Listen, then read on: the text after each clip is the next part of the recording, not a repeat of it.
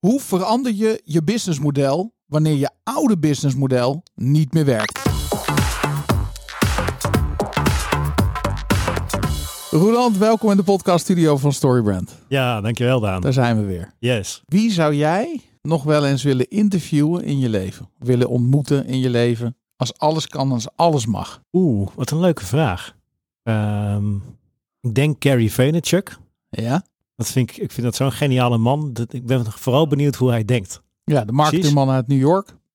Die uh, groot geworden is met een wijnhandel die Ja. hij van zijn ouders heeft Ja. overgenomen. Die? Gary Vaynerchuk is wel interessant. Ja, zeker. Weet je wie hem, wie hem wel spreekt? Nou? Ken Moscovici. Oh, serieus? Ja, die heeft, die heeft wel regelmatig contact met hem. Hmm. Hij was twee of drie weken geleden nog bij hem in New York een paar dagen. Oh, wat cool zeg. Ja.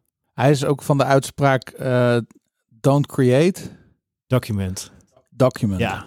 Dus creëer geen content, maar documenteer gewoon wat je aan het doen bent. En dat is je content. Het scheelt een hele hoop tijd. En dat is altijd, dat vind ik zo fascinerend bij dat soort mensen. Ze denken vaak zo anders dan iedereen.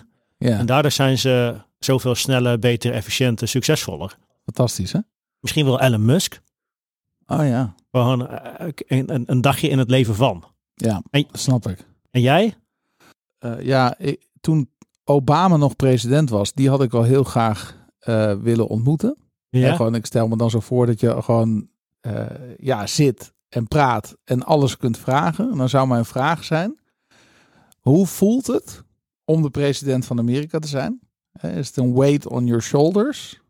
Of, of kun je er ook echt van genieten? En hoe hou je al die ballen in de lucht? Hoe werkt dat? Ik snap dat je daar teams en mensen voor hebt, maar eh, je bent gewoon vier jaar de lul. je Ja, wordt gewoon geleefd. Je agenda staat vast. Hoe ga je daarmee om? Ja. Hij kwam altijd zo ontspannen over namelijk. Dus dat zou ik wel een heel interessant vinden. Zeker. En, en op marketinggebied zou ik eh, Ryan Dice Oh ja, ja. en Russell Brunson wel willen Oh ja, interviewen. Russell. Dat Ja. vind ik wel twee eh, heroes. Ik zou Russell wel opnemen. Die praat zo snel dat je het gewoon niet bijhoudt, denk Ja, ik. dan kun je, hem, eh, kun je hem drie keer zo langzaam afspelen. Spelen, dan ja. is het gewoon normaal. ja, dan kan je het ook volgen. Fantastisch. Ja. Hey, we gaan, we gaan vandaag Maurits interviewen. Ja. Maurits Ouweneel, die ken ik echt al ja, van heel lang geleden. Dan heb je het echt over 2008. Ja. We hebben op een of andere manier af en toe wel contact gehouden. En ehm, waarom ik hem heb uitgenodigd, is. ehm, ja, ik, ik nodigde hem uit met een andere reden dan waar wij het over gaan hebben. Oh, wat leuk. Want ik nodigde hem uit om te vragen over evenementen. Hè? Omdat hij bureau van Oranje heeft. Een evenementenbureau zou ik het willen noemen. Ja. Ehm, maar dat doet hij niet meer. Tenminste, hij doet het nog een beetje. Ja. En ik wilde hem eigenlijk interviewen over ehm, de succesfactoren van een goed evenement. Maar toen we elkaar spraken en hij uiteindelijk besloot, want hij is een man van achter de schermen. Dus hij, hij was helemaal niet zo genegen om naar de podcaststudio te komen. Nee, je moest hem overhalen. Nou nee, nee, ik hoefde hem niet over. Hij zei van ja, ik kan jou niet weigeren. Ik, ik kom sowieso. Ah, wat cool. Ja. Maar zeg maar aan de telefoon hebben we best wel een tijdje zitten filosoferen van waar gaan we het dan precies over hebben als het niet over die evenementen gaat. En toen kwam hij met van ja, waar ik dan heel graag over zou willen praten is hoe ik in de crisistijd mijn hele businessmodel op om moeten gooien. Omdat het oude businessmodel niet meer werkte. Er was gewoon geen ruimte voor. Nou, Ja. daar, daar, daar wil ik hem over interviewen. Ja, cool. Leuk hè, maar misschien kunnen we hem nog wel een keertje terugvragen. Om over, eh, geef nou eens even de 10 tips of de checklist voor een succesvol evenement. Want ja, ik bedoel, dat, is ook, dat is ook een interessant onderwerp. Maar dat, dat is niet voor nu. Eens, ja. Ja, die, die, die wil je wel weten, toch? Ja, Ja. Nou, dus nou, daar, daar, gaan, bij we, deze. daar gaan we het over hebben. Ja. Ehm, ja, dus wat mij betreft gaan we hem gewoon introduceren. En naar het interview. Ja, laten we dat Doen? doen. Ja. Alright. Maurits Ouweneel is getrouwd met Marije en vader van twee kinderen. Na een studie journalistiek werkt hij in de financiële dienstverlening, media en een aantal internetbedrijven. Vanaf 2005 begonnen zijn avonturen als ondernemer. En daar gaan we het vandaag over hebben, want meerdere crisissen en meerdere veranderingen. En vooral de verandering van zijn businessmodel. Hoe hij van een evenementenbureau ging naar een producent, een toonaangevende producent van zakelijke tv, videocontent, denk aan talkshows en documentaires, en eventproducties, congressen en seminars. Daar praten we over met niemand minder dan Maurits Ouwendeel. Maurits, hartelijk welkom in de podcaststudio van Storyband. Ja, leuk. Leuk om hier te zijn. Ja, en uh, echt, uh, ja, ik, ik, ik uh, kan niet wachten om met de luisteraar jouw verhaal te delen. Omdat er een aantal elementen in zitten die ik heel interessant vind. En waar ik eigenlijk mee wil beginnen is met de eerste vraag. Vertel even kort, wie is Maurits? Maurits is een, een, een ondernemer van, van 47 jaar. Uh, heeft een bedrijf, het heet Bureau van Oranje. En dat houdt zich bezig eigenlijk met, met het produceren en bedenken en produceren van tv-formats, videoformats en evenementformats. En waar ik jou van kende, was van dat bedrijf en de evenementen die je organiseerde. En Klopt. dat waren behoorlijke evenementen. Neem ons even mee voor corona Ja. naar ja, een paar van de formats en de dingen die jij deed. Want het waren niet zomaar evenementen. Je, je, je hebt je echt opgewerkt naar de top van het evenementenwerk in Nederland. Uh, nou, dat is mooi dat het een beetje opgevallen is. Ja. ja ik, ik, ben in 2005 uh, mijn bedrijf eigenlijk begonnen. Uh, maar ik, ik, ik, ik, ik merkte, ehm, ik ben pas eigenlijk in 2008, zeg ik, serieus begonnen met het organiseren van evenementen. Daarvoor deed ik het eh, ten doel van als een soort marketingonderdeel in, in mijn advieswerk wat ik toen deed. En um, ja, wat, wat heb ik gedaan? Um, um, bijvoorbeeld, uh, ik zie mijzelf de doorbraak eigenlijk dat je een beetje op de kaart komt in evenementen uh, of van, van de grote congressen, de zakelijke congressen. Uh, een uitverkocht Beatrix Theater in 2010. toen vroeg Ben Tichelaar mij van, goh, ik ga mijn boek Dromen durven doen. Dat krijgt een hele nieuwe uitgave. daar gaan we een groot, groot seminar omheen organiseren. En, en wil jij dat doen? En uh, nou, ik voelde me natuurlijk heel erg vereerd, want ik deed altijd een beetje seminars, avondseminars van een paar honderd man. Ja. Uh, en waarom zou je dan een zaal van uh, 1600 man, uh, zeg maar, zomaar mogen organiseren? Maar hij zei, nou ja, dat, dat ziet er allemaal goed uit, wat je altijd deed. Dus dit gaat ook vast goed komen. Nou, en als je dat eenmaal gedaan hebt, zeg maar een uitverkocht uh, Beatrix Theater voor, zeg Ja. maar, de, een van de belangrijkste sprekers in Nederland op zakelijk gebied. Ja. Ja, dat valt wel op. Dus Ja. dan komen er vanzelf eigenlijk ook uh, opdrachtgevers uh, die jou dat vertrouwen geven en niet meer zich afvragen, goh, uh, kan Bureau van Oranje dat wel? Kan de jongen dat wel?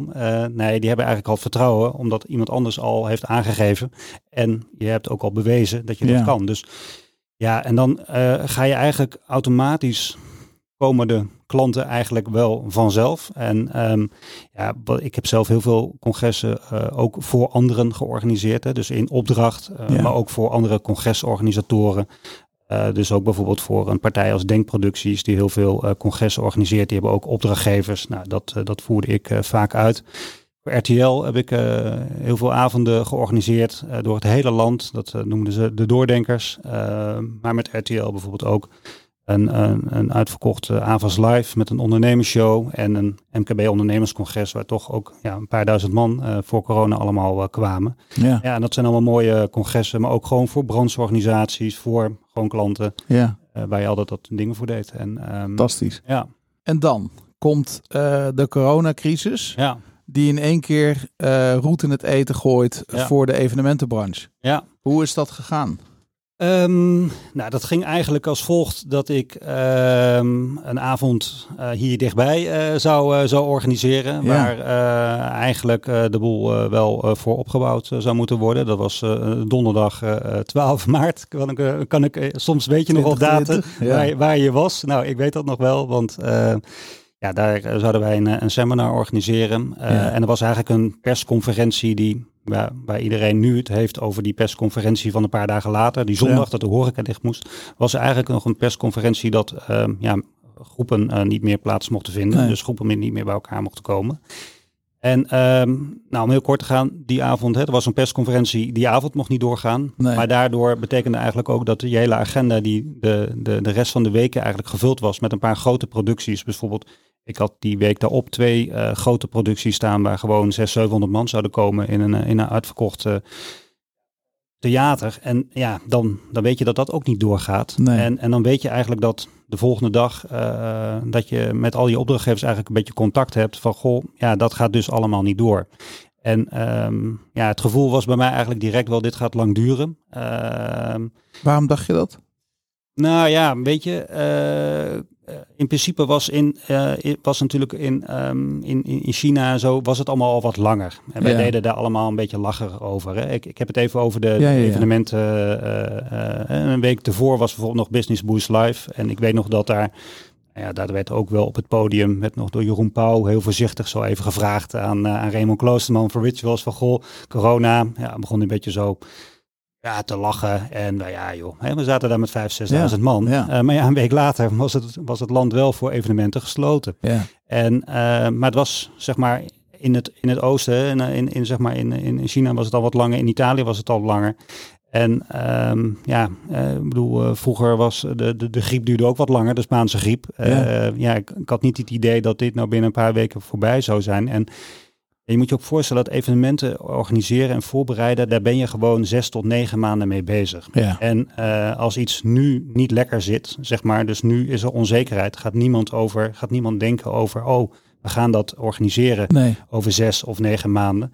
Mensen wachten gewoon af dat alles weer goed is. En dan gaan ze uh, weer door met organiseren. Dus heel veel mensen die. En bij evenementen zitten ook heel veel kosten die eigenlijk vooraf betaald moeten worden. Of, en en ja, als het nu onzeker is, ja, dan ga je natuurlijk niet investeren in iets wat onzeker is. Nee. Dus je merkte eigenlijk al dat heel veel dingen het, voor de zomer stond voor de druk, onder druk, maar ook het, het najaar, waar gewoon nog heel veel dingen definitief moesten worden vastgelegd. Ja, dan merkte je gewoon al dat opdrachtgevers daar zoiets van, nou, dat gaan we gewoon niet doen.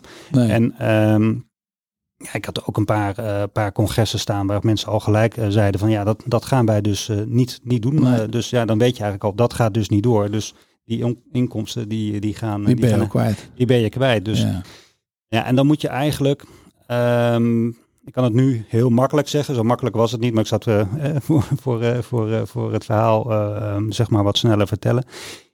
Omdat ik zelf het idee had, dit gaat wat langer duren, um, heb ik wel besloten, ik ga alles wat te maken heeft met uitgeven van kosten, ga ik zelf bij mijn eigen bedrijf bekijken. Dus ik heb alles op een rij gezet, wat heb ik wel, niet, wel of niet nodig om de komende tijd deze periode te overleven.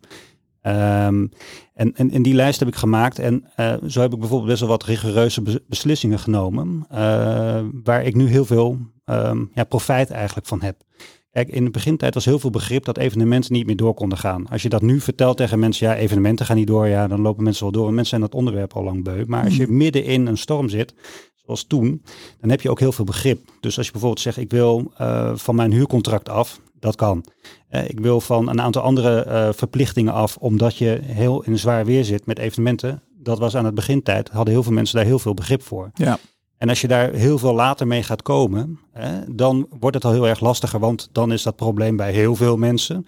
En dan kunnen ze, zeg maar, heel veel gevallen worden dan niet meer als zelfstandig uh, beschouwd. Hè. Dan wordt dat gewoon op de grote hoop, ja, maar ik heb ook nog die en die en die en die. Ik ja. er ook nog last van. Ja. Dus ik heb toen best wel veel uh, kunnen besparen op uh, A, kosten om mijn hoofd ook aan leeg te maken, om verplichtingen niet te hebben. Uh, en daarna ook, ja, zeg maar, uh, na te kunnen denken over, maar wat kan dan wel? Ja. En uh, daar ben ik eigenlijk, toen ik zeg maar dit een beetje had afgerond, ja, kon ik daar wel vanaf april mee bezig zijn. Dus april wow. 2020 kon ik wel bezig zijn met, maar wat gaan we dan wel doen? Ja. Want als, als niks meer kan, er zijn er altijd nog wel dingen die wel kunnen. Ja, en zo is het. Daar ben ik mee bezig geweest. Mooi.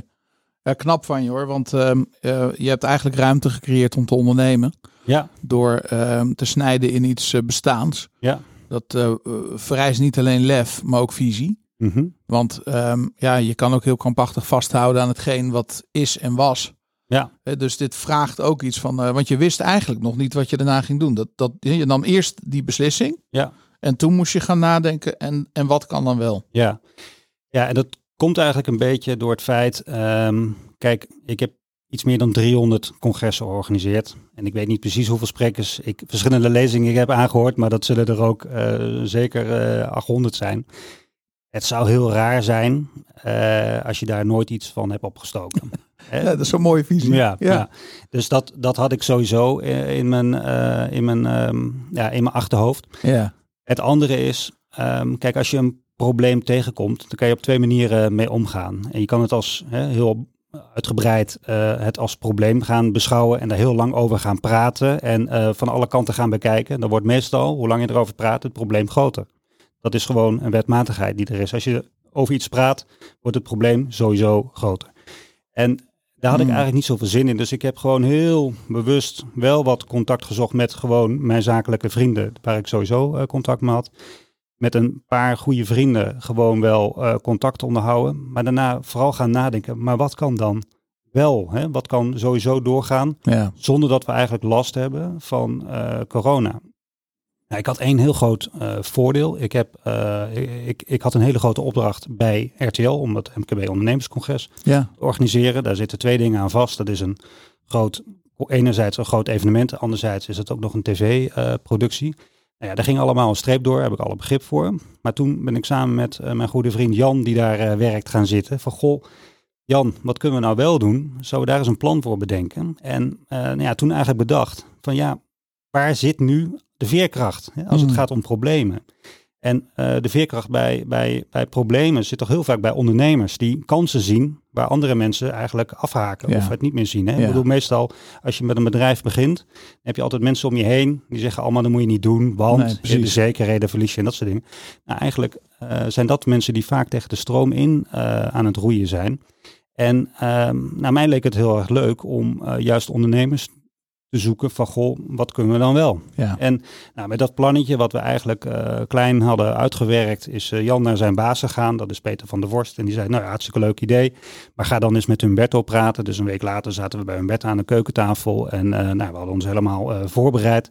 En het idee eigenlijk verteld. Humberto zei, nou is het dan ook niet, niet leuker dat we naar die mensen toe gaan? Nou, dat is zeker een goed idee. Maar naar wie, met wie zou je dan in gesprek willen? Nou, had hier een lijst van 75 uh, eh, mogelijke uh, potentiële ondernemers. Nou, leuk. Nou, gaan we doen. Ja. Ja, en dan ga je doen en dan zeg je, ja, maar Umberto, ik ben natuurlijk niet, uh, nee, maar dat maakt niet uit, tv maken. dat kan iedereen wel, dus we gaan dat gewoon doen. Wow. En, en dat zijn we gaan doen. En hebben het programma bedacht, Humberto onderneemt. Ja. En, we zijn op zoek gegaan naar de meest inspirerende ondernemers van Nederland. We zijn begonnen bij André Rieu. We hebben net het seizoen 3 afgerond. Want we zijn alweer wat seizoenen verder. Ja. Zitten, zitten in totaal 42 ondernemers. En uh, we zijn geëindigd met de aflevering van Ilja Gort. Fantastisch. Ja. Uh, wordt uitgezonden op uh, eh, RTL Z. En Videoland. Ja. En Videoland. Ja, dus je kan alles terugkijken op Videoland. Klopt. Ja. Um, noem even een paar highlights. Wat, wat vond jij nou echt markante ondernemers? Hè? Ze zullen allemaal hun verhaal hebben en waarde. Maar ja. noem even een paar leuke momenten waar je denkt, nou dat was nou echt inspirerend? Nou, we zijn, uh, we zijn uh, bij, uh, kijk, bij Pieter Zwart. Uh, Coolblue blijft natuurlijk altijd een heel inspirerend verhaal. Hè, bij dat klantgerichtheid verhaal gewoon heel erg op, op orde. hij gaf ons in, het, in zijn interview, en dat was in seizoen 1, ook heel goed inzicht in uh, wat er eigenlijk gebeurt als de zon, uh, als het buiten warmer wordt, welke producten dan beter lopen, maar ook wat er gebeurde in coronatijd, wat voor uh, iedereen moest thuiswerken, dat mensen dus eigenlijk achterkwamen dat het niet zo goed geregeld was als, als op kantoor. Dus wat er dan allemaal gebeurt en wat dat eigenlijk logistiek eigenlijk allemaal betekent. Wow. dat geeft eigenlijk best wel gewoon wat, wat inspiratie. Van het laatste seizoen um, ja, kwamen wij bijvoorbeeld bij, um, kijk, we hebben, we hebben hebben heel veel diverse ondernemers eh, bezoeken wij. Dus niet alleen maar de bekende, nee. nog eh, onbekendere. Ja, dat vind ik juist zo leuk. Ja. En we waren bijvoorbeeld in Ierseke bij de oesterij. Ja. En dat is een, eh, een, een, een kweker van, van, van oesters. Ja. En kende heel die, die, die wereld eigenlijk niet. Kende ook heel die business eigenlijk uh, niet. Het één ding weet ik wel. Op die draaidag dat wij er waren, was het ijskoud en regende de hele dag. En dat is bijzonder slecht tv maken. Uh, dus dat is, uh, dat is heel moeilijk. Dus we waren daar eerst een beetje binnen aan het, aan het filmen. en we wisten eigenlijk al dat een aantal dingen die door zouden gaan, die we zouden kunnen filmen. Maar op een gegeven moment werd het om vier uur s middags, terwijl wij eigenlijk al lang een beetje klaar wouden zijn, werd het droog. En toen konden we nog naar buiten, naar de, naar de oesterput, waar eigenlijk de, ja, de oesters meer binnenkwamen. Ja. En uh, nou, in de tv-uitzending zie je dat een beetje aan het begin uh, zitten, zeg maar. Maar dat was zo'n, uh, daar zag je eigenlijk dat, dat zij heel erg te maken hebben met het weer, ja. met het klimaat, ja. met de kwaliteit van die oesters. En ik had ook nog nooit een oester op. ik dacht ook dat ik helemaal niet lustte, zeg maar. En dan zit je daar zo'n uh, ja, zo'n oester te eten en uh, tijdens de lunch te buiten te kijken. En uh, je zat eigenlijk heel erg te genieten. Maar je dacht wel, ja, ik ga hier een heel slechte aflevering van kunnen maken. Want ja, we moeten hier nog een keer terugkomen, want ja. dit, hier kunnen we niks mee. Nou, dat was heel mooi. Ehm, vooral omdat je dat ook wel terugziet op tv, dat het een hele bijzondere wereld eigenlijk is. Ja. Het andere is, ehm, iedereen kent La Trappe bier. Ja. het bier van de ene, ja, er zijn twee trappisten bieren in Nederland, Sundert en, en La Trappe. En mij leek het heel leuk om eens te horen, ja, het ondernemerschap van, van die mensen. En dus ik had contact gelegd met de abt. En de, de abt die zei na, ja, na enige vertraging, wat ik wel verwacht had, van goh, ik doe wel mee. Alleen toen wisselde de abt. De abt werd uh, de, de hoofd van alle uh, trappistenkloosters in de hele wereld. Dus we kregen te maken oh, met broeder Isaac. En uh, broeder Isaac moest ik van het begin af aan uitleggen wat wij dan kwamen doen. En, ja, en toen zei hij van ja, kom dan maar eens langs. En toen zat ik op zaterdagochtend om negen uur in één keer bij broeder Isaac, die ik dan mocht uitleggen wat wij van plan waren. En hij keek natuurlijk geen tv, als, uh, voelde zichzelf ook niet een bierbrouwer of een ondernemer. Dus ik moest hem toch op alle mogelijke manieren proberen te prikkelen om hier aan mee te doen. En uh, uiteindelijk uh, heeft hij ja gezegd. En in die tussentijd was hij ook verkozen tot abt. Dus hij was ook de hoofd van, het, van de kloosterorde geworden.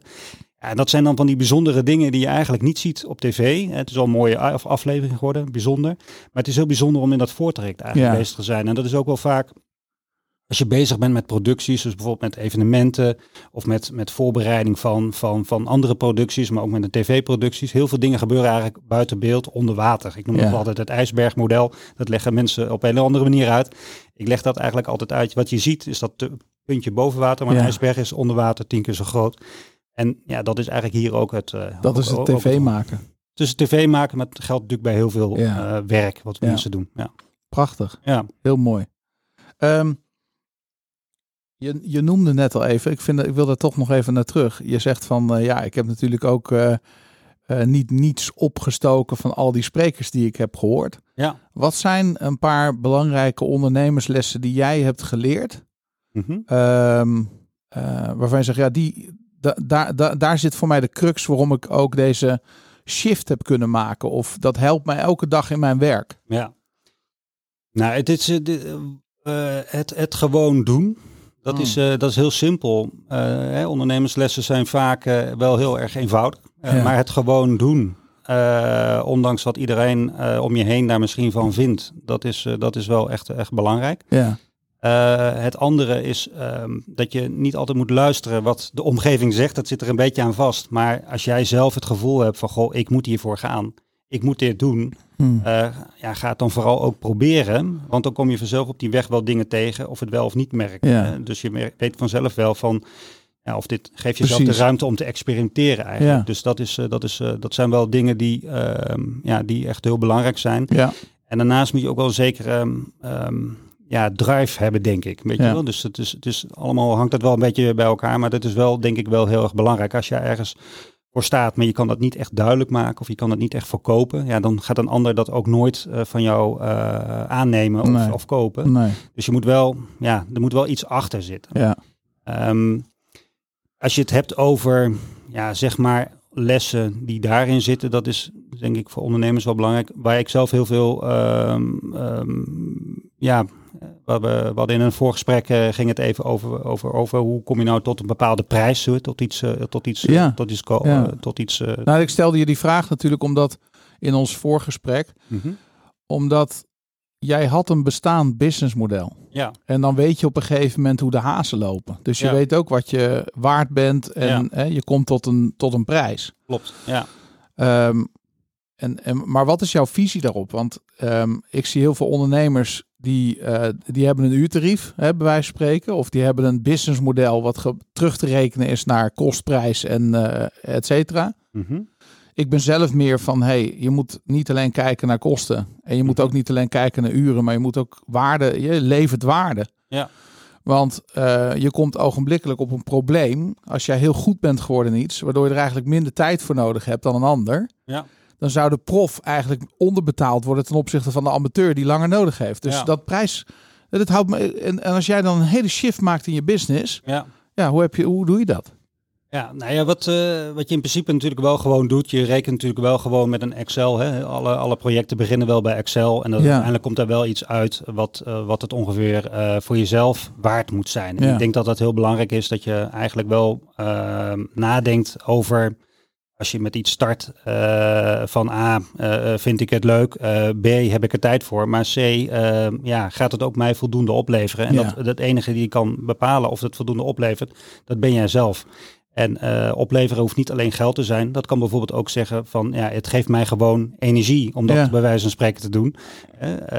want iemand anders, jij kan zelf een besluit nemen. Ik vind het zo leuk. ik vind het leuk, ik heb er tijd voor. En ik vind het zo leuk omdat. En dat is meestal heeft een ondernemer niet echt een geld uh, uitgebreid gelddoel. Hè? Dat is meestal niet het doel waar mensen mee bezig zijn. Nee. Ehm, maar om gewoon, het gewoon even zakelijk te houden. Als je een shift maakt zoals ik heb gemaakt naar tv, dan ga je natuurlijk wel uh, een beetje luisteren wat er, uh, wat er betaald wordt. Je gaat gewoon een normale begroting maken. En daar ben ik natuurlijk wel gewend om uh, hè, ja. begroting te maken voor ja. producties. Dus uiteindelijk komt daar een, een, een prijs uit waarvoor ja, wij het kunnen maken. Ja. Weet je wel? En ook willen maken. En als iemand dan zegt, ja, ik vind het te duur. Nou ja, dat is mij één ding geleerd. Um, uh, als je korting geeft, dan gaat er dus wat van de dienst af. Nou, dat wil nooit iemand. Hè. Nee. wijze les van Jos Burgers. Geef nooit korting. Nee. Het, uh, zonder dat er wat tegenover staat. En iemand anders zegt, dit is te goedkoop. Ja, dan weet je, ja, dat is dan uh, mooi meegenomen. Maar dan gaan ze al eigenlijk al met je in zee. En als ik het voor mezelf uh, voldoende vindt opleveren, hou ik mij niet bezig dat andere mensen daar misschien het dubbele voor, uh, voor, uh, voor, voor, voor krijgen. mooi. Ja, mooi. Ja, dus Wat is jouw visie op die hele um, evenementenbranche? Want ja, we zijn nu, ik, ik denk niet persoonlijk dat we na corona zijn. Ik hoor heel veel mensen zeggen het is nu na corona. Ja. Ik hou er stevig rekening mee dat, dat we nog niet de laatste lockdown hebben meegemaakt. Mm -hmm. Ik zie een overheid die net 12 miljoen weer heeft gepompt in een corona-app. Ja. Uh, ik zie de media die al voorsorteert op het najaar en de winter, hè, want het blijft een influenza-virus. -hmm. uh, maar los van mijn opinie daarover of wat dan ook, um, uh, wat is jouw visie? omdat je helemaal in die wereld zit, gaan we weer terug naar live en groot? -hmm. Wordt het hybride? -hmm.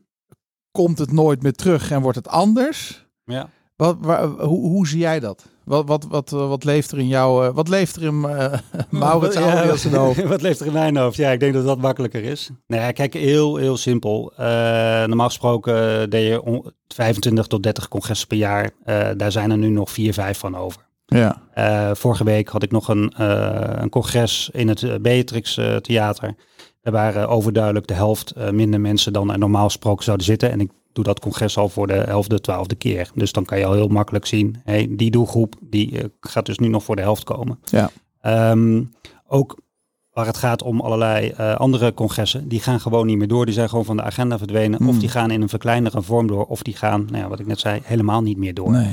Dus dat, zolang die onzekerheid er eigenlijk is, en ook omdat je gewoon zit met al die voorbereiding uh, en natuurlijk de behoorlijke kostenposten. Hè? Ja, ik bedoel, uh, absoluut, de evenementen zijn duur. Is, een, is, is gewoon een, is gewoon een, een dure, ja, een dure, een dure, een dure ding. Mm. Um, dan, dan moet je, ja, dan gaan die grote evenementen, dat gaat gewoon heel lastig worden. Kijk, wat makkelijker is, is om kleine groepjes met klanten, dat soort dingen kun je makkelijk bij elkaar hebben. Ja. En gaat het niet door, door wat dan ook maar. En dan kun je het makkelijker verschuiven. Maar als je Waar ik met name in zit, zijn gewoon open ticketmarkt. Ja. Uh, je verkoopt tickets voor, doel, uh, voor, uh, voor, voor, um, ja, voor deelnemers die Ja. gaan mee, meedoen aan je congres. Ja, je hebt eigenlijk alles van tevoren al uitgegeven aan sprekers, aan techniek, aan locatie, aan catering, van alles en nog wat er allemaal bij komt kijken. Ja, dan moet het allemaal wel terugverdiend worden. En als dat onderdeel onzeker is, ja, dan, Dan wordt het lastig. dan wordt het een heel lastig verhaal. Nou, En dat merk je eigenlijk nu ook met de dingen die eigenlijk nu wel spelen, van opdrachtgevers die nu wel uh, door laten gaan. Ze stoeien allemaal mee. Gaan we het wel voldoende terug verdienen? Hè? Ik kom Ja. net, net uit een gesprek van ja, gaan er wel voldoende uh, partners nu nog aanhaken? Gaan Ja. er wel voldoende deelnemers komen? Ehm, ehm, moeten we niet wat anders doen? En wat je daar eigenlijk ook al een beetje ziet, en dat hoor ik wel steeds meer, uh, dat mensen naar kleiner willen gaan. ja, Uh, naar dingen willen gaan die wel door, waarschijnlijk wel door kunnen gaan. ja, Ehm, mensen die bezig zijn met hun klanten, eh, die bijvoorbeeld normaal gesproken eh, een paar sprekers uitnodigen en klanten in de zaal zetten, die gaan nu ook andere dingen doen. ja. Precies. Ehm, dus dat soort dingen, die, ja, die zullen nog wel ehm, ja, kleiner zijn. Mm. Eh, die grotere dingen, die blijven gewoon hartstikke on, eh, onzeker. Ja. En, ehm, ja, en zolang onzekerheid bestaat, gaat eigenlijk niemand wat organiseren. Nee. En eh, wij zelf ook niet. Hè? Bij Nee. normaal gesproken initiëren we zelf ook nog wel een aantal dingen. Gebeurt ook niet meer. Dus, Heb je ervaring met online events? Ehm, nou, ik heb bewust geen, eh, geen livestreams. Nee. Nee, zelf, dat is ook zelf zie ik daar niet de meerwaarde van. Nee. dus nee, ik geloof wel iets in iets blijvends maken. Ja. Dus waar wij, andere tak van sport, waar wij heel veel in coronatijd, maar nog steeds eigenlijk doen, is het maken van professionele talkshows. Ja. Dus bijvoorbeeld voor bedrijven als Picnic, voor bedrijven als Funda, voor een sociale verzekeringsbank, voor bedrijven als, uh, als Essilor of Jura, uh, hebben wij allemaal talkshows gemaakt met allemaal uh, bekende talkshow mensen van Even Jinek tot een Humberto, tot een, tot een Merel Westerik, tot een Jort Kelder. En ehm, dat zo goed mogelijk maken, zo goed mogelijk redactioneel voorbereiden, zo goed mogelijk op hoge kwaliteit opnemen, dat helemaal verfijnen en dat dan op een bepaald moment semi-live uitzenden. Um, dan heb je eigenlijk in een uur, als je dat kijkt, heb je dus een hele interessante talkshow. En kun je een hele grote doelgroep eigenlijk uh, bereiken. En wat voor doelgroepen moet ik dan aan denken bij nou, bijvoorbeeld een picknick? Nou, bij een picknick was het, uh, die bestonden vijf jaar. Ja. Uh, daar werkte, dat zal nu veel meer mensen zijn, maar die werkten toen 7000 mensen wouden ze bereiken. Uh, nou, die konden ze onmogelijk in een zaal krijgen. Maar wij konden dat wel in een hele mooie uh, spiegeltent uh, ergens opnemen. Een hele mooie uitzending van maken. 7000 medewerkers. 7000 medewerkers ja. moesten bereikt worden. Die mee werden genomen eigenlijk in het ja, ontstaansverhaal van, van Picnic. En wow. dat was natuurlijk ja, razendsnel gegaan. Ja. Dus dat was een gesprek vanuit, vanaf de oprichters tot, tot nog wat. Maar dat is dan toch online? Nou, dat is, dat is eigenlijk, neem je dat helemaal op met tv-camera's. Ja. En dan uh, monteren we dat. Ja. En dat zenden we dan wel ja, via YouTube uit. Maar dan zeg maar semi-live. En niet uh, livestreams. Ik snap hem. Ja, ja. Dat is dus, uh, Ja. dus het is even een verschil wat je Oh, tussen online en... en Ja, want onder een livestream, kijk, wij hebben bijvoorbeeld afgelopen januari onze tweedaagse workshop. We hebben eh, drie keer per jaar doen wij een tweedaagse workshop, open inschrijving. Ja. Bedrijven komen om een verhaal te verhelderen. Willen een heldere boodschap en willen een marketingplan hebben. Ja. Eh, een marketingplan wat werkt, Ja. wat maar less is more. Ja. En we moesten vanwege de lockdown Mhm. van een zaal in Amsterdam naar eh, een studio. Ja. En eh, dat is ons waanzinnig goed bevallen, want wij hadden gewoon een professionele studio. We hadden de cameraman en regisseur van Carré. Ja. Dus, dus het was gewoon top geregeld. Ja. En dus je, maar het was wel stukken duurder trouwens dan een live event. Mensen dachten, oh, dan heb je geen zaalhuur en geen catering. Maar wat mensen niet wisten is dat wij iedereen een doos thuis hebben gestuurd met van alles en nog wat. Ja. Dus dat wisten ze niet eens. Ja. Nou, dan heb je twee mensen die je moet inhuren. Je hebt alle, alle apparatuur, je hebt alle bijkomende. Eigenlijk was het eh, budgetair duurder. Ja. Maar ehm, omdat we het via Zoom deden eh, en met meerdere cameraposities en, en live vanuit de studio. Hè, dus Mhm. werd wel gestreamd, maar live. Ja. En we hadden breakout sessies Mhm. met onze coaches, eh, onze, dus dat is ons team. In kleine groepjes konden ze ook nog vragen stellen en eraan werken. Dus je had steeds eh, die switch tussen dat, dat, dat grote podium Ja. en die kleine groepjes hebben we. Ja, ik vond het on-Nederlands hoge waardering. Ja. We hebben gewoon letterlijk, eh, omdat mensen in de chat konden reageren, Mhm. heb ik op een gegeven moment gezegd: Nou jongens, wat voor cijfer geef je deze dag? Ja. En de tienen en de elf, hè, het was op een schaal van 1 tot 10. Maar, Mhm. maar heel veel mensen gaven 11 of 12. Ja, ja, ja. ja. was ja. heel leuk. Dat is wel slim om Ja. dat te doen. Ja. Ja, ik, ik, ik moet je eerlijk zeggen, ik, heb, ik, ik zelf eh, heb gelijk met mijn opdrachtgevers die wat anders wouden gaan doen. Hè. Kijk, de meesten gingen gewoon een streep doorheen. En er waren een aantal die wouden gewoon wel wat doen. Ja, Ehm, heb ik gelijk eigenlijk gekozen voor een tv-format. Dus gelijk naar een talkshow-format, eh, eh, Mm. gelijk een interview-format. Dus hebben we heel- best wel veel dingen eigenlijk voor opgenomen. En als mensen zeiden, ja, we willen echt dat het een livestream is. Ehm, ja, daar heb ik dan zelf gezegd, daar zijn andere partijen eigenlijk beter in. ja Eh. Want er waren ook partijen, ehm, eh, die zijn natuurlijk gewoon heel veel partijen. Ik heb gewoon voor gekozen, ik wil eh, met tv-camera's werken, ik wil met tv-mensen werken. En je zag natuurlijk alle mogelijke vormen ontstaan. Eh, en daar moet je op een gegeven moment gewoon je keuze in maken. Ja, wat, ga je wel, wat ga je wel doen en wat ga je niet doen? En wij hebben eigenlijk een andere keus eh, gemaakt dan, dan een ander. Ik zelf, nou ja, zo'n evenement als jij gedaan hebt, dat is voor een deelnemer, was dat zeker aan een begintijd, was dat hartstikke leuk dat er het evenement überhaupt plaatsvond hè, natuurlijk. Ja. Dus voor heel veel partijen is dat natuurlijk zo geweest. En ik heb voor mezelf eigenlijk gemerkt dat ik ook bij een ander evenement eh, hebben ze dat ook naar online gedaan. Ja, dan zit je aan de andere kant, dan ben je eigenlijk een soort regisseur op heel veel dingen. En ja, dat vond ik zelf wat minder bij mij passen, zeg maar. Ja, Ja. Dus, dus, dus, dus er zit ook een, ja, eh, voor een deelnemer en de, de, Ja. iemand die daarachter zit. ehm, ja, was het, was er zeg maar, de, de, was voor mij eigenlijk de keus. Ik ga dit zelf niet meer aanbieden. Dus, nee, dat snap ik. en dat, dat past ook natuurlijk in wat je net aan het begin van de podcast uh, uitzending ook uh, aangaf. Mm je moet er energie van krijgen. Ja. Je moet het leuk vinden. Ja, klopt. En je moet wat mee verdienen. Ja. En, en, en het is een combinatie van factoren. Dus die, die is, die is heel, uh, heel logisch. Ja. En er zit nog een andere component bij.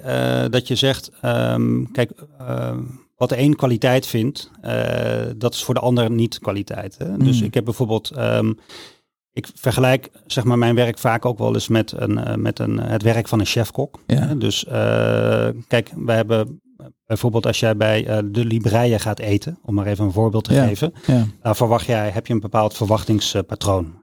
wat je gaat krijgen, je weet niet wat je gaat krijgen en heb je een bepaald verwachtingspatroon bij. Maar als je zeg maar in wat bij een restaurant zeg maar even wat met wat minder sterren gaat, gaat eten, dan weet jij wel van, um, dan kies jij vaak zelf wel wat jij gaat eten. Ja. Maar dat is niet hetgeen waar jij door verrast wordt. En dat is eigenlijk de, de amuses tussendoor waar je door verrast wordt. En um, nou ja, dat, dat is um, ook wel even iets belangrijks, zeg maar, bij, uh, als je het hebt over kwaliteit.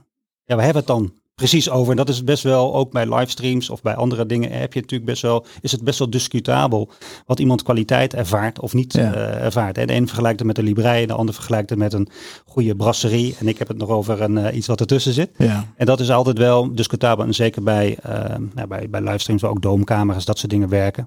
Ja, ik heb gewoon een tv-regisseur. Ja, die wordt daar niet blij van, weet je wel.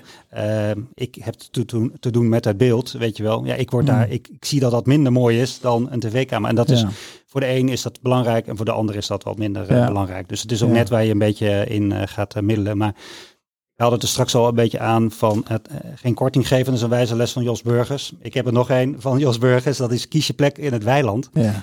doe niet wat iedereen doet. En nee. uh, op een gegeven moment was het natuurlijk ook een punt, zeker in corona, dat iedereen livestreams ging doen. Nou, dan moet je ook gewoon daarvoor kiezen om wat anders te doen. Dus het op een andere manier aan te bieden. En dat ook heel ja, super sterk. Dat op een andere manier aan te bieden. Ja, dus, mooi. Ja. Maurits, je hebt een aantal boeken meegenomen. Ja. En um, wist je, oh, je hebt natuurlijk mijn podcast geluisterd. Dat uh, heb ik zeker. Ja. ja, dan weet je die laatste vraag. Ja, ja. Um, maar je, hebt een aantal boeken meegenomen. Ik, ja, weet je, we laten ons allemaal inspireren. Je hebt net ook al wat inspiratiepunten genoemd. En wij worden vandaag weer geïnspireerd door jouw verhaal. Mm -hmm.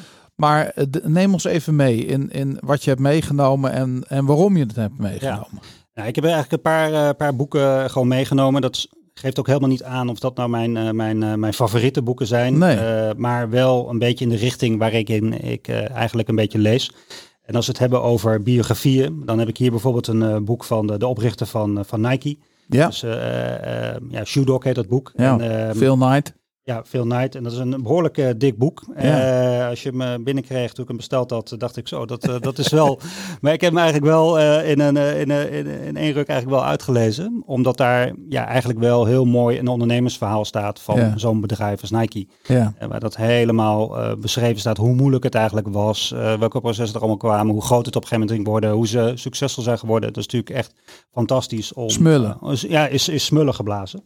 Um, maar dat geeft een beetje aan, ik hou wel van het lezen van biografieën. Dus ik heb hier bijvoorbeeld ook nog de biografie van uh, Jo van de Ende bijvoorbeeld liggen. Ja. Kijk, ik kom natuurlijk uit uh, de congres- en, en, uh, en, en, en, de seminarwereld. Nou ja, de grootheid in de theaterwereld is natuurlijk ja. Joop van de Ende. Um, Prachtig ja, boek. Dat die man vroeger al als kleine jongen houtjes zat te verkopen. Uh, dyslexie, uh, dyslexie uh, had, ik kan het woord geen eens uitspreken. maar toch alles heeft bereikt. Eigenlijk ook heel slecht Engels sprak. Maar toch zeg maar wereldwijd als een autoriteit wordt gezien. Ja. ja, dat is natuurlijk echt waanzinnig. Hij heeft ook één keer op een congres van, van mij opgetreden. Wauw. Nou ja, dan had je ook een voorgesprek. Ik was daar samen met mijn compaan Jan ja. van, van RTL. waren we een uur op audiëntie bij Joop van de Ende. En ja, na afloop hebben we elkaar wel eventjes in de arm moeten knijpen van, goh, waren we nou echt bij de grote Joop? Hè? Dat, ja, dat, eh, dat, is, ja. dat kan ik me helemaal voorstellen. Had je zijn biografie gelezen voordat je hem sprak? Ik had zijn biografie al gelezen voordat ik hem sprak. Ja. ja Heb je, wat, wat mij vaak overkomt in dat soort uh, situaties, mm -hmm. is dat als je dan zeg maar zo'n verhaal leest en daarna de man of vrouw daadwerkelijk ontmoet, had je een prangende vraag. Ja. Ja? Nou, het was eigenlijk zo. Ik had niet echt een, eh, een prangende vraag. Nee. Want uh, hij had heel veel vragen aan ons. En, uh, en dat is eigenlijk ook uh, heel bijzonder. Kijk, je weet, je hebt een uur. En dat was al zo lang breed duidelijk, bij die meneer is alles op de minuut geregeld. En hij had heel veel vragen aan ons. En op een gegeven moment was het gesprek eigenlijk ook voorbij. Maar dat kwam ook. Hij had al de, hij zijn vragen gesteld. En hij moest in dat gesprek eigenlijk nog een beetje vissen van ga ik bij die mannen wel uh, op het podium komen en hebben die lui dat allemaal wel goed geregeld? En uh, wat is het precies? En in welke setting sta ik? En waarom doe ik dat? En waarom zou ik daarbij passen? Dus wij moesten best wel uh, zelf nog ja, zeg maar aan het werk om de juiste antwoorden te kunnen geven. Zo. Dat die zou komen was al lang en breed duidelijk. dat was al op hoger niveau al, al afgestemd. maar ja, het was, het was eigenlijk, die man was, dat, dat viel ons eigenlijk op die meneer ging zelf eigenlijk, uh, Joop in dit geval, ging zelf ons allerlei dingen vragen. En dat vond ik wel heel erg mooi. Dat hij dus eigenlijk twee jonge honden eigenlijk, uh, die een uh, toevallig een interessant congres hadden, dat hij daar nog, nog warm voor kon ja. lopen. Dus, ja, dat typeert de man. Nou, ik heb hier nog een ander boek meegenomen. Dat is, uh, dat is van Jos Burgers. Dat, is, dat geeft een korting. Had ik net aan gerefereerd. Heel belangrijk voor Ja, leuk. leuk. Ja, dit, wat ik zo mooi vond hier. Ik zag het pas later. Ik had hem gekocht, gelezen. En uh, ik heb hem ooit een keer weer uitgeleend. Er staat nu van 1795 voor 1995. Ja, dat is geniaal. Ja, is echt, echt, echt geniaal bedacht.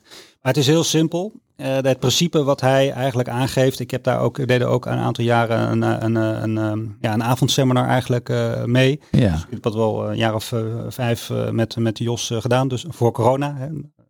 En um, het principe is eigenlijk heel, heel, heel, heel, heel makkelijk. Alleen we, we trappen daar vaak heel makkelijk ook weer in. Dus als jij zegt, ik kost 100 euro en ik zeg, ik ga dat voor 80 meenemen. En dan zeg jij ja, dan is eigenlijk het principe, je hebt mij proberen op te lichten voor 20 euro. Ja. En um, nou, dit eigenlijk, hè, we weten allemaal dat de bedragen groter zijn waar we vaak mee, mee werken. Maar dit is wel het principe hoe dat Ja. eigenlijk gewoon werkt. Heel sterk. En wat hij eigenlijk wel heel erg duidelijk maakt, ook in dat uh, boek, maar ook als hij het toelicht op een podium.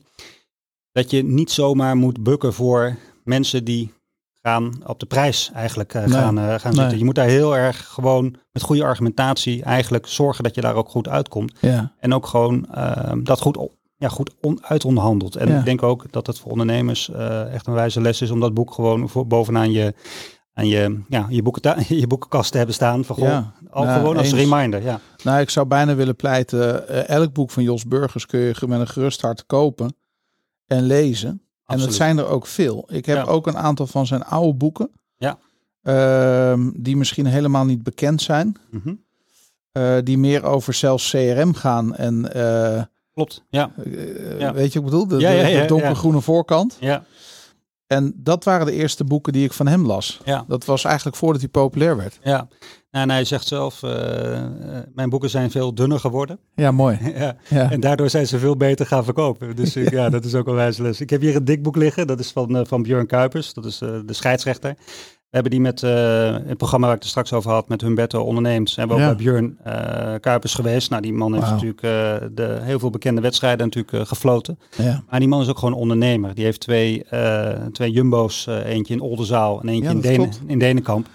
En dat is ook op topsport, uh, is Ja. dat. En we zijn daar geweest. En uh, nou, het is een van de drukste winkels, uh, supermarkten van Nederland. Goud. We hebben ook gezien hoe hij dat gedaan heeft. En het was ook heel mooi om eigenlijk ook zijn ondernemerschap, hoe hij met zijn mensen omgaat, het kneden van een team, uh, het aandacht geven aan elkaar. Uh, ja, dat was echt wel iets wat in het boek heel goed naar voren komt, maar wat je eigenlijk ook gelijk merkt als je, als je met hem Ja. praat. Hij heeft aandacht voor de ander, zeg maar. Schitterend. Dat is echt heel prachtig. Ja, mooi. En die, dit, dit, dit boek dit ligt eigenlijk altijd uh, wel in zicht uh, bij mijn bureau. Dat is, uh, is van, van Marcel van Roosmalen, Nederland onder het systeemplafond. Zou je denken, waarom heb je die nou, uh, waarom heb je die nou meegenomen? Ik ben A, fan van, uh, van, uh, van Marcel van Roosmalen. Die weet altijd op uh, onbenulligheden eigenlijk op een hele mooie manier te beschrijven. Hè? In zijn Ja, columns op Radio ja. 1, maar ook in zijn, zijn boeken. Uh, maar als je de voorkant ook een beetje ziet, dit is toch een beetje het schrikbeeld hoeveel uh, Ja, wat, uh, ondernemend Nederland er vaak nog bij zit. Ja, Maurits laat even de voorkant zien van het boek. En je ziet een man op een tafel staan met zijn hoofd door het systeemplafond. Klopt, een ja. tegel is Ja. eruit gehaald en daar heeft hij zijn hoofd in gestoken. Precies. En uh, hij beschrijft eigenlijk in dit boek uh, wat er, uh, nou ja, allerlei verhalen, maar wat er eigenlijk in bedrijven in Nederland eigenlijk allemaal gebeurt. En hij heeft zeg maar allerlei bedrijven gevolgd over een groot aantal jaren. Dus van, van, van bedrijfsbijeenkomsten tot gemeenteavonden, tot van alles en nog wat, heeft hij op zijn kenmerkende wijze Ja. eigenlijk beschreven. Hij heeft daar, ik heb daar een interview met hem over gezien. Dat hij ook die, hij gaat naar al die uh, zaaltjes en bijeenkomsten toe. Hè? Dat, dat vond ik uh, echt tot diep in de nacht. Ja. Was hij dan onderweg? Ik vond het een heel mooi portret. Ja, en ik vind het eigenlijk ook altijd een, een, een mooi boek. Uh, we hebben allemaal te maken met, met klanten waar we denken, hoe is dat ooit toch hier weer ontstaan? Hè? We staan hier ook onder een soort systeemplafond. maar dat je dan weer wegrijdt. Dat je toch bij jezelf denkt, ja, het, is toch, het bestaat gewoon allemaal nog. Ja, het bestaat nog. Ja, ik vind dat ja, ik vind het fascinerend. Ja. Uh, waar hij zeg maar, ja, toch, toch een beetje al die mooie kantoren in Nederland beschrijft. En die onbenulligheden dus eigenlijk ook vergroot. Dus, ja. Nou, ergens heeft het ook wel iets charmants. Heeft ook absoluut. Ik ben hier zelf, we staan nu in Leusden in onze podcaststudio. Ik ben hier lid van de historische kring Leusden. Omdat ik geschiedenis heel interessant vind. Zeker lokaal. Hè. Ik wandel veel. Dus je komt vanzelf op plekken waar je denkt, hé, hey, wat, waarom staat dat monument hier? Wat is er eigenlijk gebeurd? Ja. En um, even één anekdote. De eerste keer dat ik bij de historische kring Leusden op een avond kwam waar een lezing werd gegeven, kwam ik binnen in de oude boerderij hier om de hoek. En dan, uh, ja, de gemiddelde leeftijd haalde ik drastisch omlaag. Ja. En dan komen er thermoskannen met koffie. Iemand heeft cake gebakken. Er staan drie mannetjes met elkaar de beamer in orde te maken en eindelijk doet hij het. Ja. En ja, ik vond dat het is soms ook dat teruggaan in die tijd. Hè, dat, dat ja, ik weet niet, het heeft dat. Ik ga er met veel plezier naartoe. Ja, nee, maar dat, dat, dat heb ik ook. En dat, dat herken je natuurlijk ook vaak nog als je bij een voetbalkantine komt. Ja. Waar het toch ja. uh, de bomen worden gesnoeid door uh, wat oudere mannetjes. De koffie wordt verzorgd door hele vriendelijke oude dametjes. Heerlijk. Ik ben zelf een aantal jaren ook scheidsrechter geweest bij een, ja. bij een club. Ja, dat wordt allemaal gerund door uh, toch een, een, mooi clubje mensen. Ja. En daar mag best wel eens wat her en der wat, wat aandacht voor zijn. Ja. Dus vandaar misschien. Het dat maakt het boek... Nederland wel charmant. Het maakt het zeker charmant. Ja. ja absoluut. Dus ja. Heel mooi. Ja. Heel mooi. Voor mij heeft het ook als metafoor van, goh, bij dat soort bedrijven hè, die hij zo nu en dan beschrijft, je zou er maar werken. Ja. Maar, maar goed. ja, dat is de andere kant. dat is de andere kant, ja. Ja. Maar goed, het, het heeft verschillende invalshoeken. Dus, uh, dus, maar het geeft een beetje weer waar ik interesse in heb als ik, uh, als ik lees. Hè. Kijk, mijn werk is toch een beetje dat je vaak mensen belicht die eigenlijk al wel bekend zijn. Of het nou een podium is of een tv staan. Ze hebben al een boek geschreven. Ze hebben al wat dingen gedaan. Maar ja, hè, wat toch wel vaak gebeurt, die boeken worden betrekkelijk weinig gelezen. Uh, dus ze laten het graag nog een keer door een auteur uitleggen op het podium, waar Ja. ze dan wel weer veel meer geld voor vragen. Hè? Dus, ehm, eh, en dat is toch een beetje mijn werk, dat je bijvoorbeeld eh, bekende acteurs of sprekers op het podium hebt staan, Ja. die eigenlijk al ja, eigenlijk op een andere manier hun kennis ook wel eh tussen kan komen.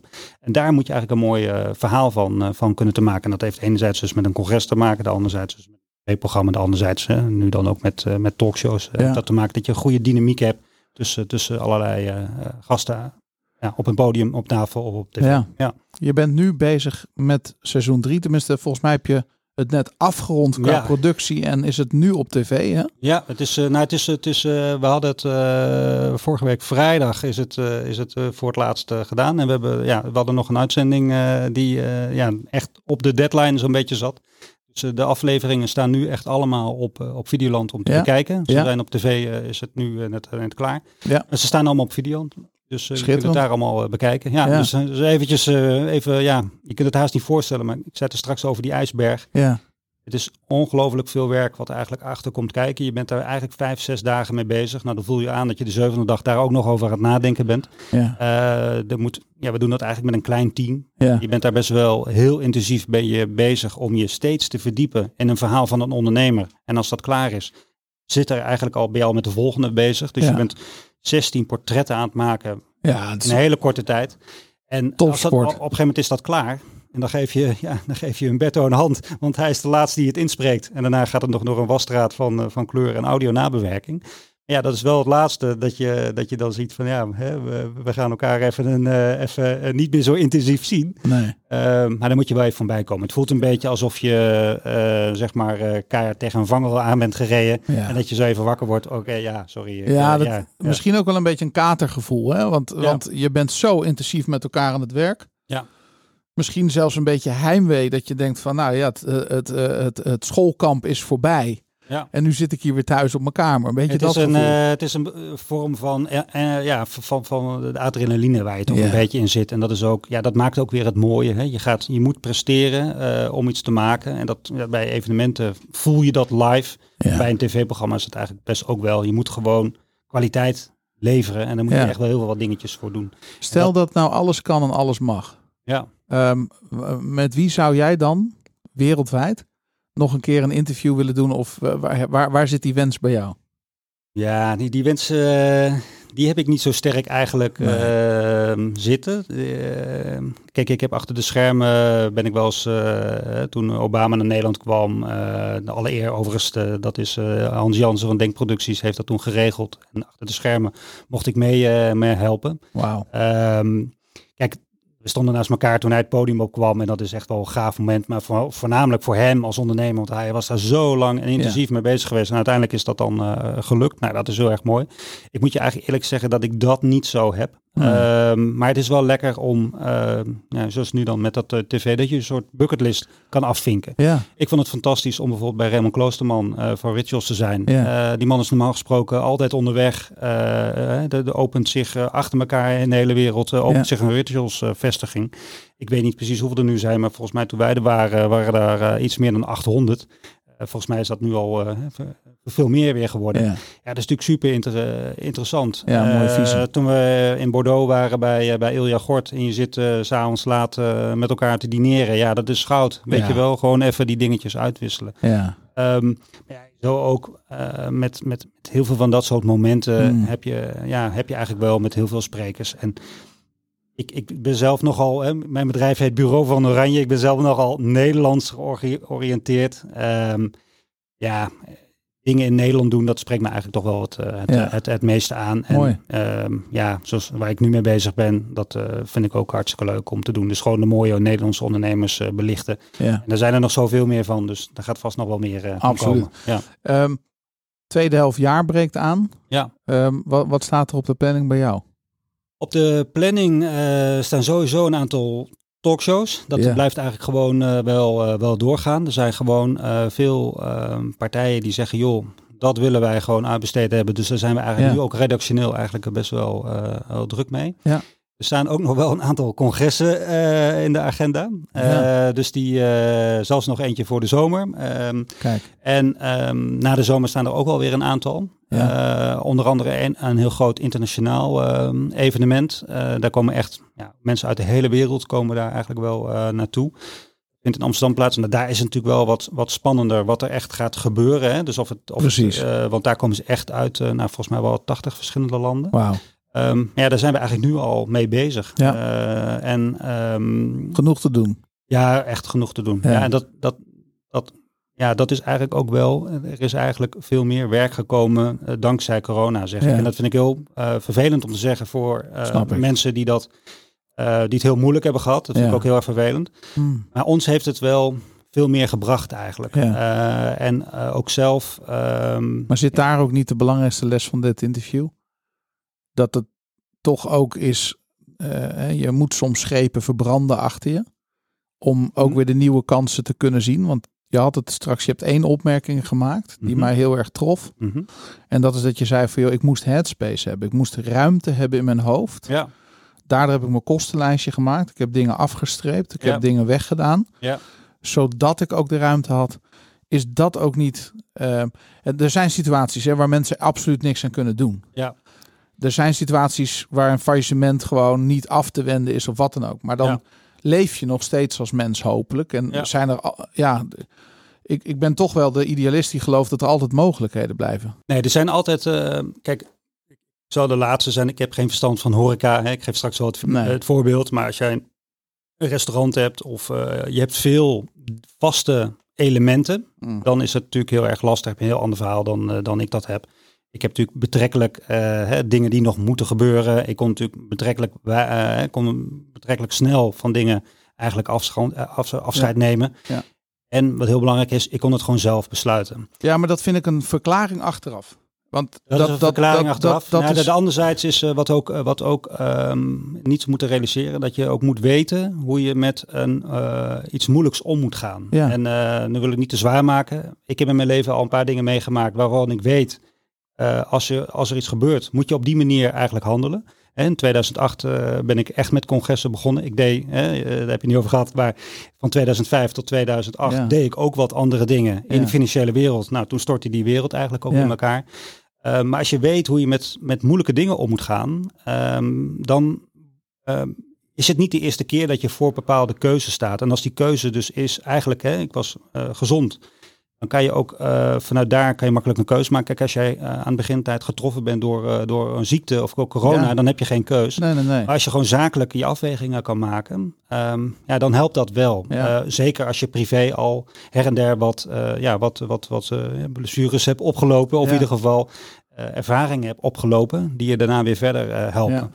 En dat, dat scheelt wel. En je hebt mm. natuurlijk ook wel, ik heb natuurlijk ook best wat mensen gesproken die echt met het handen in het haar zaten. Maar als je dan later doorvraagt, ja, ze hadden ook nog nooit wat moeilijks meegemaakt in het leven. En dat scheelt natuurlijk ook wel, dat je dat ook wel hebt mee uh, beleefd. Ja. ja. Anderzijds is wel, wat ik helemaal aan het begin uh, zei, je moet wel gewoon in beweging blijven. Echt wel belangrijk. Hè? Als je bij voetballen uh, niet in beweging bent, gaat niemand de bal naar je toe spelen. Maar kun je ook, niet, kun je ook verder niet, niet scoren. Maar je, gaat moet ook ondernemen. Je moet, je moet ondernemen, ja. ja. En nou ja, daar heb ik een bepaalde, uh, daar heb ik gewoon wat keuzes in gemaakt die goed zijn uitgevallen. En ja, de factor uh, door wat te doen uh, komt geluk ook wel een klein beetje in, in het, komt natuurlijk ook bij, bij kijken. Ja. Maar ja, dat is wel uiteindelijk op die manier heeft dat wel goed uitgepakt. Ja, schitterend. Onwijs bedankt, want je bent een man achter de schermen. Je doet het niet zo gauw. Zeker niet, maar, maar door jouw uitnodiging, die kon ik niet weigeren. Nou, dus, geweldig. Ja. Dankjewel. Tot de volgende keer. Hartstikke bedankt.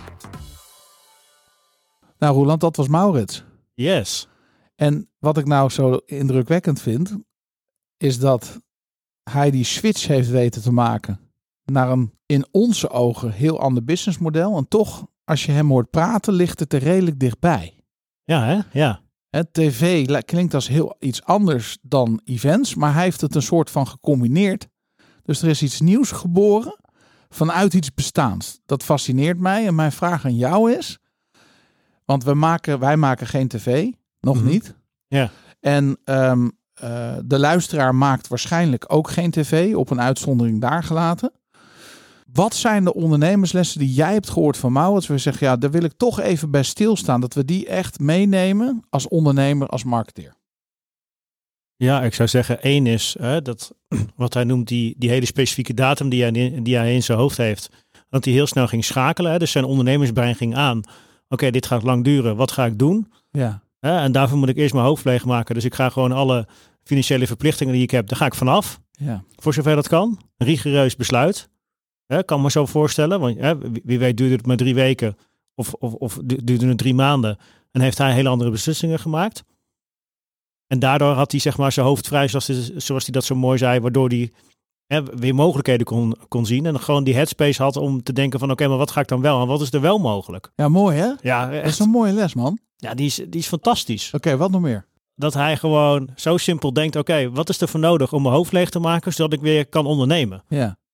Super mooie les. Ja. Het tweede is dat hij ging nadenken van oké, dat betekent dus dat iedereen het online gaat doen. Ik heb van, uh, dat zei hij aan het einde, ik heb van Jos geleerd van uh, kies je plek in het weiland.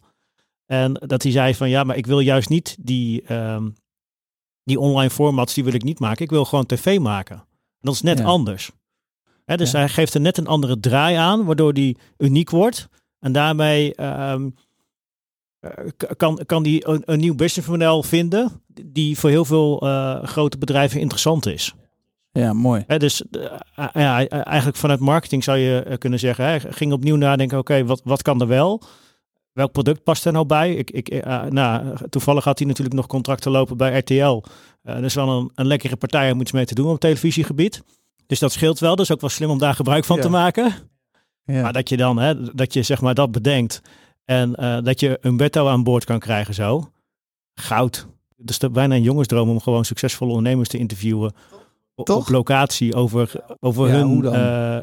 Ja, hoe, hoe, zij, hoe, hoe zij creatief naar, uh, naar dit soort dingen kijken. Wat zij zouden doen. Ja. Ja, Heerlijk. Daar zit denk ik uh, de, de derde dat hij zei van ja, ondernemers die denken altijd anders. Hè? Die zijn altijd creatief, die zijn altijd bezig met de oplossing in plaats van met het probleem. Dus daar moeten we bij die ondernemers zijn. Hè, zo, als, je, als hij het zo vertelt, klinkt het heel logisch van ja, dat is een ABC'tje voor hem. Maar ik vraag me af of hmm. dat voor iedereen een ABC'tje is. Ja. En Mooi. Ja, een, een andere die ik, de, die ik eruit pik is, uh, had ik opgeschreven, is, ik weet niet, hij heeft een soort mindset ook van joh, eh, je kan eigenlijk van iedereen wat leren.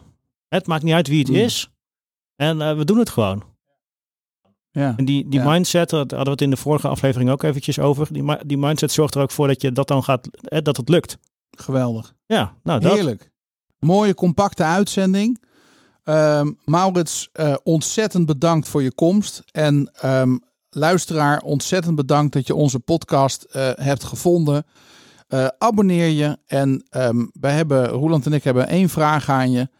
Laat even een review hè, met sterretjes of een opmerking op je favoriete podcastplatform waar je dit luistert. Laat even een review achter. Dat helpt ons. En wij vinden het altijd leuk om te lezen.